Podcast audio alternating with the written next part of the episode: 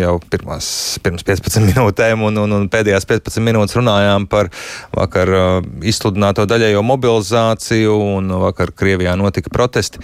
Pret to vismaz 38 pilsētās tādi ir notikuši un aizturēti vismaz 1332 cilvēki. Tā ziņo nevalstiskā organizācija OVD Info, kas veids Krievijas pultu ieslodzīto uzskaiti. Ja tos tā var nosaukt, tad tie ir līdz šim lielākie protesti Krievijā kopš demonstrācijām, kas izcēlās pēc Krievijas militārā iebrukuma Ukrainā februāra sākumā. Stihiskās protesta akcijas šoreiz notika Maskavā, Sanktpēterburgā, Sibīrijas, Urāla un tālu austrumu pilsētās. Un tā forma bija tāda, ka cilvēki izgāja pilsētas centrālajos laukumos bez plakātiem, baidoties no aizturēšanas, un Maskavā tika aizturēti protestētāji Arbatielā, Arbat laukumā un Puškina laukumā, un pūlis skandēja ne karam, Putinu ierakumos. Protestētāji nekavējoties arī tika aizturēti, un Maskavā tika aizturēti vismaz 468 cilvēki. Vismaz tas ir tas, cik daudz šobrīd ir zināms, bet šobrīd esmu sasniedzis Austrum Eiropas politikas pētījumu centra pētnieku Mārci Balodu. Labrīt! Labrīt!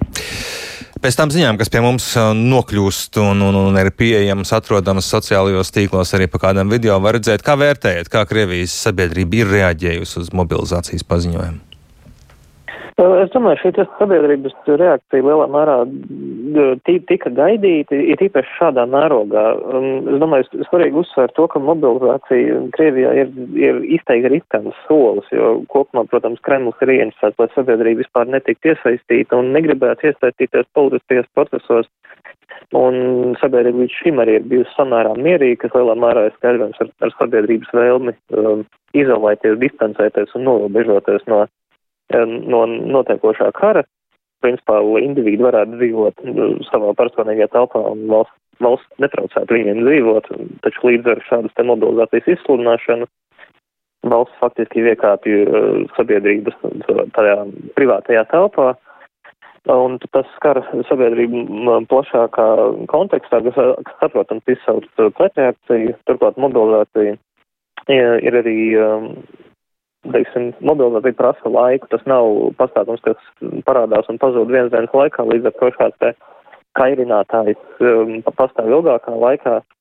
Uh, un es domāju, um, tīpaši mobilizācija izvēršoties, redzēsim, vai arī par protesta, uh, teiksim, avotu nevar kļūt arī paši mobilizējumie, proti pretojoties un izvairoties no dienas, vai mēģinot tam kaut kādā mērā um, pretoties, kas arī valstī, protams, raisa kaut kādu administratīvo slogu un traucē.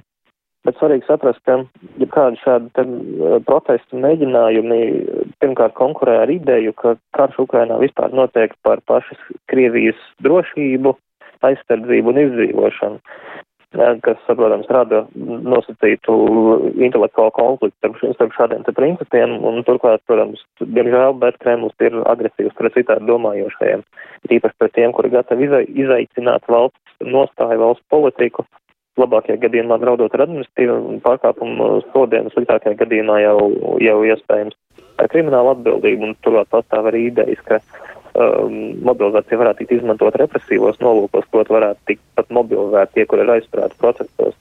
Tāpēc tā kopā raugoties, es domāju, Kremlis diezgan lielā mērā paļaujas uz to, ka uzvarētājs nesodīs. Proti, ka izdosies gūt uzvaru kaujas laukā un no tā pamata sabiedrība norims un, un šādi protesti protesti iztīgs, jo sabiedrība būs saņēmusi atbildi par to, kāpēc tas bija nepieciešams. No tā, protams, izriet galvenā problēma, ja šāda panākuma trūk, tad sabiedrībai prasīt atbildību no, no lauka. Vakar Latvijas Rādio Krievijā nevēlamais režisors Manskis teica, ka viņa prāt Krievijas sabiedrība gadiem nav izmantojusi iespēju iziet ielās un pateikt varai, ka pietiek. Redz, piekrītat šim apgalvojumam un jūs prāt, kāpēc ir tā? Šeit ir zināma taisnība, jo arī, ja paskatāmies notikumiem šī gada februāra beigās, martā, protesti bija, taču arī mm, protesta mērogs nebija, nebija nemaz tik liels, un tie galvenokārt bija, bija orientēti lielākajās pilsētās. Bet tā, zināmā mērā šeit ir, šeit ir tāda saistība ar to, ka Krievijas sabiedrība ilgus gadus nav gājusi īpaši plašos protestos, taču šobrīd tam ir uh, loģiski izskaidrojums. Tā ir Kremļa agresija un turklāt arī paši Krievijas iekšpolitiskās opozīcijas koordinācijas trūkums, līderu trūkums, tīpaši pašreizējos apstākļos. Nu, jo gal galā, lai protests būtu efektīvs, tam ir jābūt kontrolētam, tam ir jābūt organizētam un virzītam, nevis vienkārši tādai stihiskai cilvēku sanākšanai. Nu, Tāda stihiska cilvēku sanākšanas, protams, ir nozīmīgs process, taču tam ir tendence ātrāk uh, izzus un izķākstēt vienkārši.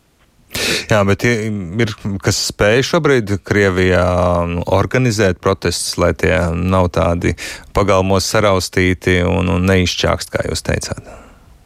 Um, šobrīd tādā ziņā situācija ir ļoti sarežģīta, jo, saprotams, liela daļa um, šādu politisko līderu vai potenciālo līderu ir vai nu aizturēta, atrodas cietumos vai arī ārpus pašas Krievijas robežām. Tas ir Kremļa ilgtermiņa mērķu īstenošana uh, praksē. Un uh, raugoties ilgtermiņā, tā ir, tā ir viena vispār no Krievijas politiskās opozīcijas galvenajām problēmām, kā vispār iespējams uh, pašorganizēties un, un veidot kaut kādu, um, kaut kādu ietvaru, kā opozīcija var darboties Krievijā tā, tādos apstākļos, kad uh, kara saukšana par, uh, par karu reāli var nozīmēt uh, brīvības, reāli brīvības atņemšanu un nodevēšanu par, uh, par uh, faktiski nodevēju Un Kremlis mēģina šo izpratni iedibināt sabiedrībā, lai sabiedrība jau fundamentāli mēģinātu atstumt ja kādus opozīcijas līderus un, un vispār pat neizskatīt iespēju viņiem sadarboties. Zināms, drīz notiks Krievijas un Ķīnas prezidenta tikšanās. Sagaidāt no tās kaut ko? Es domāju, visi gaida, galvenokārt gaida Ķīnas reakciju uz, uz notiekošo, jo, kā, kā nu pat arī notikušās tikšanās starp Krievijas un Centrālāzijas, un tā skaitā arī Ķīnas amatpersonām, es liecināju, ka arī šajā reģionā valsts nebūtu nav vienasprāts ar, ar Krieviju. Saprotams, šī šīs domstarpības atšķiras dažādos jautājumos, un, un Nu, nav gluži tā, ka, ka visas šīs valsts būtu fundamentāli pret uh, Krievijas rīcību, taču vienlaikus šeit ir pamats un, un, un ir redzama arī šķēlums ar valstīm, kas īpaši turpinās Krievijas nespējai uh, gūt panākumus un gūt kaut kādu konstruktīvu uh, izēju no, no visas patērējās situācijas. Paldies jums par sarunu. Šorīt Austrumēropas politikas pētījuma centra pētnieks Mārts Balodzes ar mums sarunājās.